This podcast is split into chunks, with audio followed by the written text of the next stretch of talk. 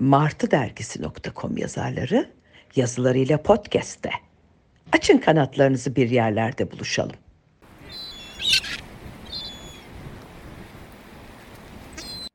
Tarihi öykü Mary ya da Osmanlı casusu Afik Celal Bey'in 3. Selim'e mektubu. Yazar Berkay Oğuz Aykan. Seslendiren Büşra Durmuş. Bu metin 2019 yılında Paris'teki Conservatoire Müzesi'nin restorasyon çalışmalarında ortaya çıkan 1792-1793 yılları arası Paris'te aktif görev yapmış Osmanlı casusu Afik Celal Bey'in mektubunun derlemesidir. Günümüzde orijinali TC Devlet Arşivleri Başkanlığı'nın Osmanlı arşivinde bulunan bu mektup günümüz Türkçesine çevrilmiş ve metnin yazarı tarafından hikayeleştirilmiştir. Afik Celal Bey bu mektubu zamanın padişahı 3. Selim'e hitaben yazmıştır. Derlemenin yazarı anonim olarak bu metni tarafımıza sızdırmıştır. 18 Brumaire 2 Geçen sene 1207'de Cumhuriyet'in ilanından sonra Paris halkı yaklaşık 3 senedir süre gelen ulusal çaptaki amansız belirsizliğin ortadan kalkacağını ummuştu. Doğruyu söylemek gerekirse ben de bunu ummuştum hünkârım. Şehirdeki karmaşaya aylarca maruz kaldıktan, sizlerle el altından bin bir zorlukla ihtilalle ilgili gözlemlerimi paylaştıktan sonra Cumhuriyet'in ilanını memleketime dönüşümün habercisi sanmış, o günün yatsı namazını kılarken Allah'a defalarca şükretmiş, sizler için, memleketim için bildiğim tüm duaları okumuştum. Cumhuriyetin ilanının ardından sizlere defalarca mektup yazdım.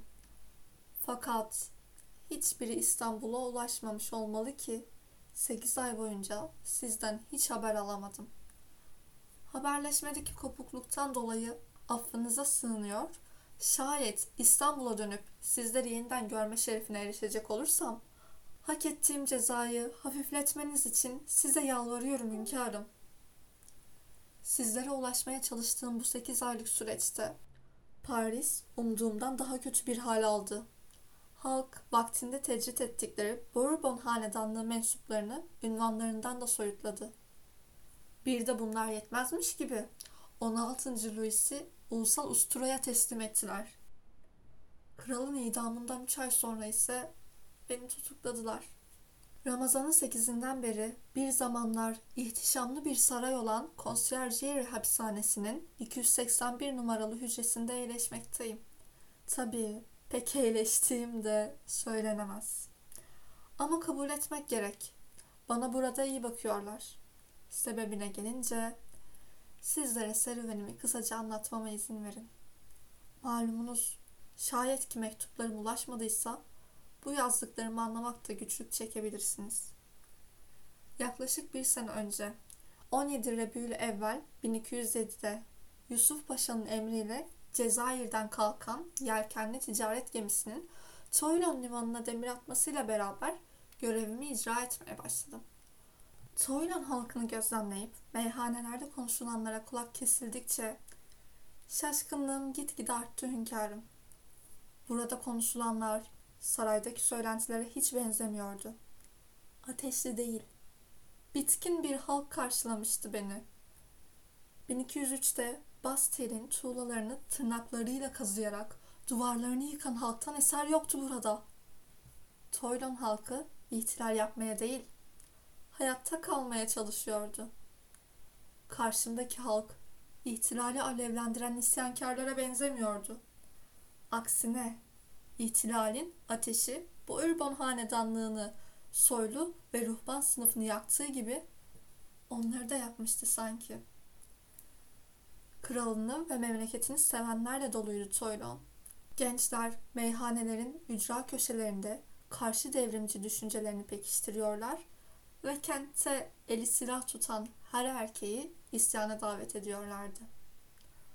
Paris halkının özgürlüğü, eşitliği ve kardeşliği Fransa'nın taşrasına yansımamıştı belli ki.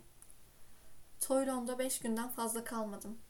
Hünkârım, itiraf edeyim. Toylo'nun fakir halkına eli boş veda etmek istemedim. Bu yüzden bana yolluk olarak verdiğiniz 1 milyon frankın 23.534 frank, 72 santimini fukara halkın bir kısmına dağıttım. İnşallah iyilik için onlara bağışladığım bu cüzi miktarı helal edip siz de beni bağışlarsınız. Paris'e geldiğimde gelişmelerden hızlı haberdar olabilmek için Tuileries Sarayı'nın yaklaşık 700 arşın yakınında bir viranede ikamet etmeye başladım. Viranede fakir hayatı yaşıyor, müsriflikten kaçınıyordum. Bu sayede dikkatleri üzerime çekmemeyi başarıyordum. Sağda solda hoşbeş etmemeye, aksanımı gizli tutmaya çalışıyordum. Paris'te gitgide şiddet artıyor, giyotindeki kan kurumuyordu. Paris halkı kana susamıştı. Karşı devrimci olmayan fakat karşı devrimci olmadığı kanıtlanamadığı için giyotine gönderilen insanları gördüm. Sustum. Sırf kafasıyla vücudu uyumlu değil diye kellesi alınanları gördüm. Sustum. Brunswick'in saraya gelecek ufacık bir zararda Paris yerle bir etme tehdidine karşı iki gün sonra 16. Louis'i hakkı rahmetine kavuşturduklarını gördüm.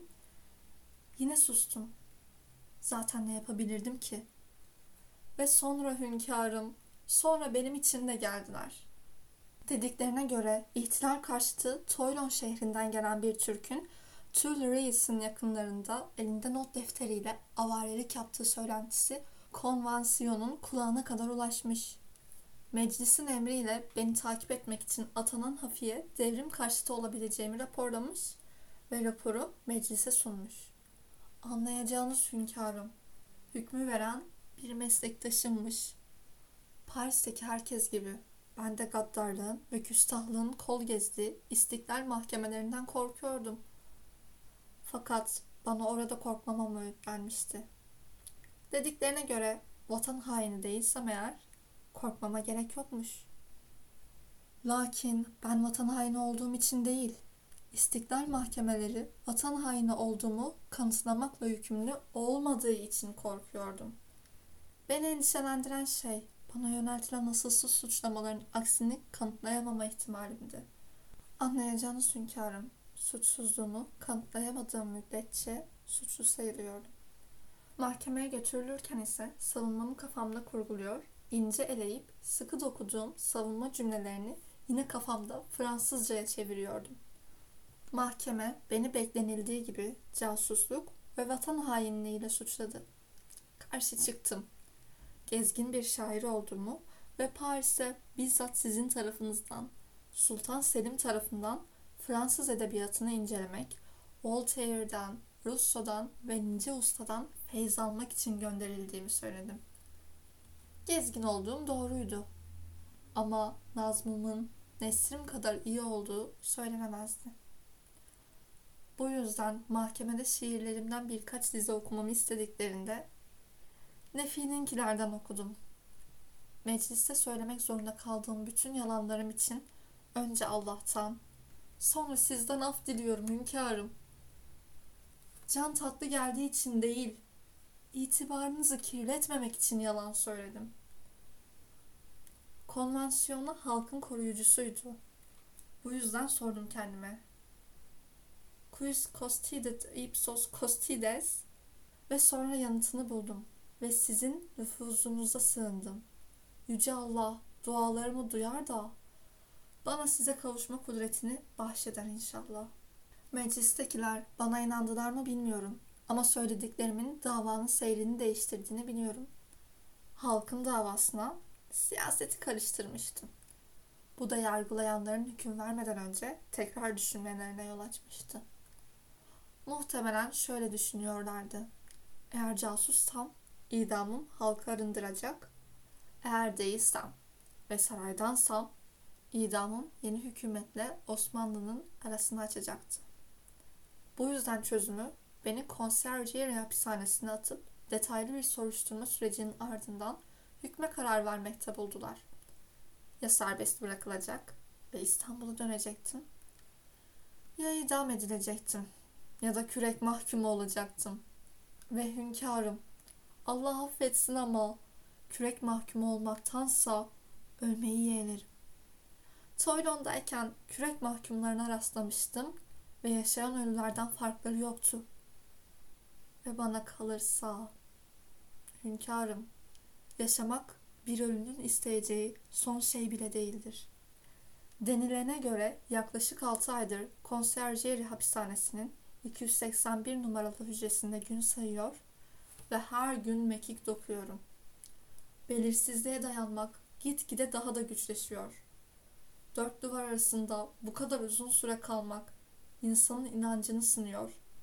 Allah bana ve tüm inananlara sabır ihsan eylesin. Allah'a şükür hücremin penceresi güneş görüyor. Bu sayede beş vakit namazımı da eksiksiz kılabiliyorum. Fakat son zamanlarda geceyi gündüzle karıştırmaya, namaz vakitlerimi aksatmaya başladım. Allah affetsin. İyi bir mümin olmak için elimden geleni yapıyorum. Sabahları peynir ve su veriliyor. Akşamları ise peksimet ve şarap. Bu yüzden akşamları susuz kalıyorum. Yine de şikayetçi olmuyorum halimden. Benim hücrem diğerlerininki gibi bezden bir yataktan ibaret değil. Hücremde çalışma masası, kağıt, kalem ve mürekkep var. Dediğim gibi hünkârım, sağ olsunlar bana iyi bakıyorlar. Diğer hücrelerin yalnızca birkaç günlük ziyaretçileri oluyor. Onlar da hükme göre ya soluğu Toylon'da alıyorlar ya da devrim meydanında solukları kesiliyor. Geçen ay ikindiye değin hücremin koridorunda nöbet tutan gardiyanı değiştirdiler. Yeni gardiyanı görünce hemen tanıdım. Bu adam Toylon'da halkı isyana çağıran karşı devrimci gençlerdendi. O da beni hemen tanıdı. Geçen sene Toylon halkına yaptığım cömert bağışların halen konuşulduğunu söyledi. Gündüzleri kısa süreliğine de olsa bu tanıdık simayla sohbet etmeye, arkadaş olmaya başladım. Dostluğumuzun her geçen gün katlanarak arttığını hissediyordum. Onun kralcı olduğunu hiç sesli olarak dile getirmedim. Fakat biliyordum. Konvansiyonun burnunun dibine kadar nasıl geldiğini, burada ne aradığını, planının ne olduğunu sormadım. Konumum gereği bu tür bilgileri ulu orta yerde edinecek ayrıcalığa sahip değildim çünkü. Fakat bir gün tüm cesaretimi topladım ve samimiyetimize güvenerek yazmayı planladığım bu mektubu Cezayir üzerinden sizlere iletmesini rica ettim. Sultan Selim'in bu iyiliği karşılıksız bırakmayacağını, silahlanmada onlara yardım edeceğinin sözünü verdim. Başta tereddüt etti. Fakat ertesi gün bu teklifimi olumlu karşıladı. Hünkârım, bu sözün tüm mesuliyeti benimdir ve Allah huzurunuza çıkmayı bana bahşederse cezamı çekmeye de razıyım. Bu soğuk duvarların bir insana neler hissettirebileceğini, neler yaptırabileceğini, neler söyletebileceğini bir bilseniz. Bu dört duvar arasında istemeden namazı aksattığım gibi tarih takibini de aksattım. Günleri birbirine karıştırır oldum. Aklım şaştıkça günü ve tarihi gardiyan arkadaşıma sorar oldum. Ve tam ecnebi takvimine alışmışken konvansiyon takvimi değiştirdi. Gardiyanla tanıştığım ilk gün 27 September 1793'tü. September'dan sonra October geldi. Ardından gardiyan bana takvimin değiştiğini, yeni ayın Boromir, yeni yılın ise iki olduğunu söyledi. Duyduklarıma inanamamıştım. Nitekim yeni takvimi takip etmekten de başka şansım yoktu. Gardiyan sağ olsun. Konvansiyonda benim hakkımda ne konuşulduğunu da soruşturdu. Meclisteki dağlılar kellemi isterken Ovalılar ise serbest bırakılmamdan yana. Halkın Selameti Komitesi'nin meclis üstünde baskı kurup idamı onaylatmasındaki tek engel ise Robespierre. Gardiyanın dediğine göre Robespierre beklenmedik bir biçimde davaya çekimsel yaklaşıyormuş. Özgürlüğün, eşitliğin ve kardeşliğin tapınağında bile son sözü yine tek bir kişi söylüyor anlaşılan. 15 Oktober 1793 sabahı gayipten sesler duymaya başladım. Daha doğrusu gayipten sesler duyduğumu sandım. Bir kadın ağlıyordu. Sonra bu ağlama seslerinin yan hücreden geldiğini fark ettim. İnanamadım. Yan hücreden gelen bir sesi duymam olanaksızdı. Duvarlar insanın yalnızca iç sesini duyabileceği kadar kalındı. Sesi takip ettim.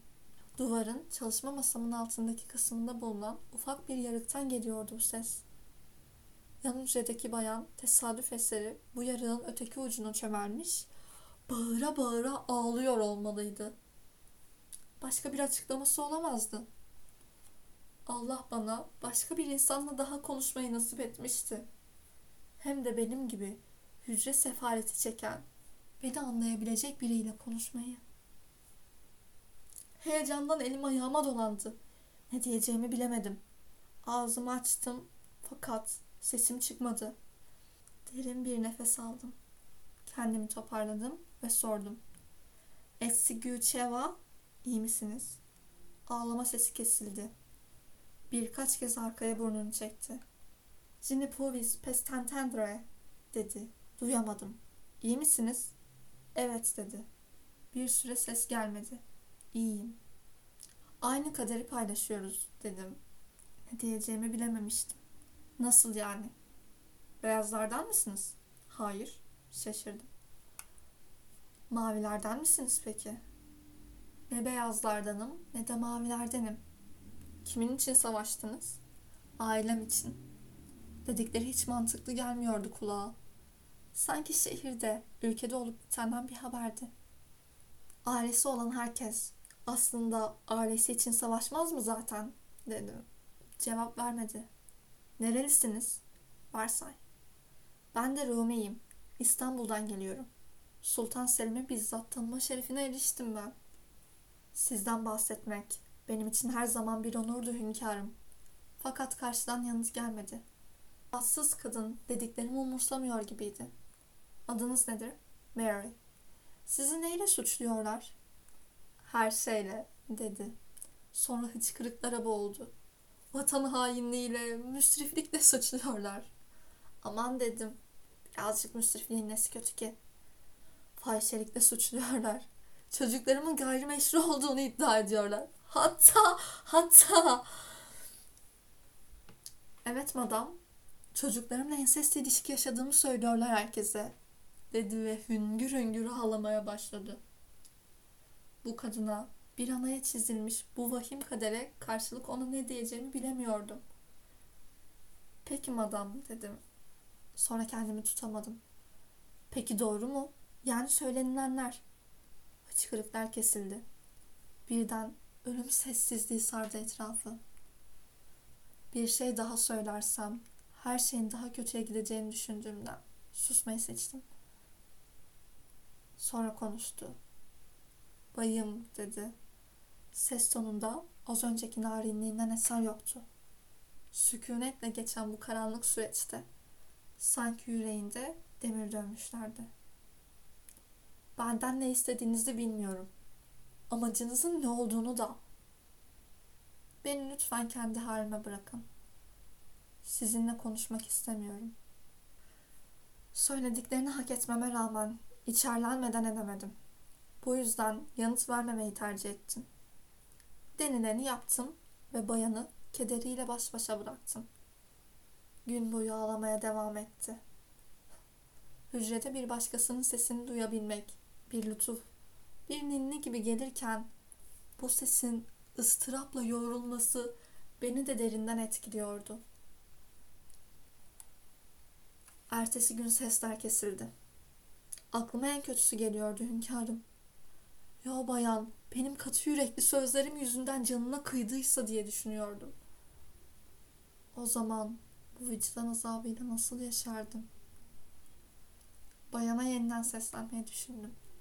Fakat cesaret edemedim. Uzun bir süre bayanın sesini yeniden duymayı bekledim. Ardından dayanamayıp buradaki en yakın dostuma, gardiyana, yan hücremdeki bayanı sordum. Ne dese inanırsınız? Bana o bayanın kraliçenin ta kendisi olduğunu ve o sabah devrim meydanında kellesinin uçtuğunu söyledi. Bir seneye aşkın süredir rastladığım onca keşmekeşin arasında şahit olduğum en tuhaf olay buydu şüphesiz ki. Umutluyum hünkârım. Bu yazılanlar yarın akşam sizlere ulaşmak üzere yola çıkacak. Gardiyan arkadaşım bana şeref sözü verdi. Memleketin burnumda tutuyor. Yakın zamanda yeniden huzurunuza çıkmayı sabırsızlıkla bekliyorum.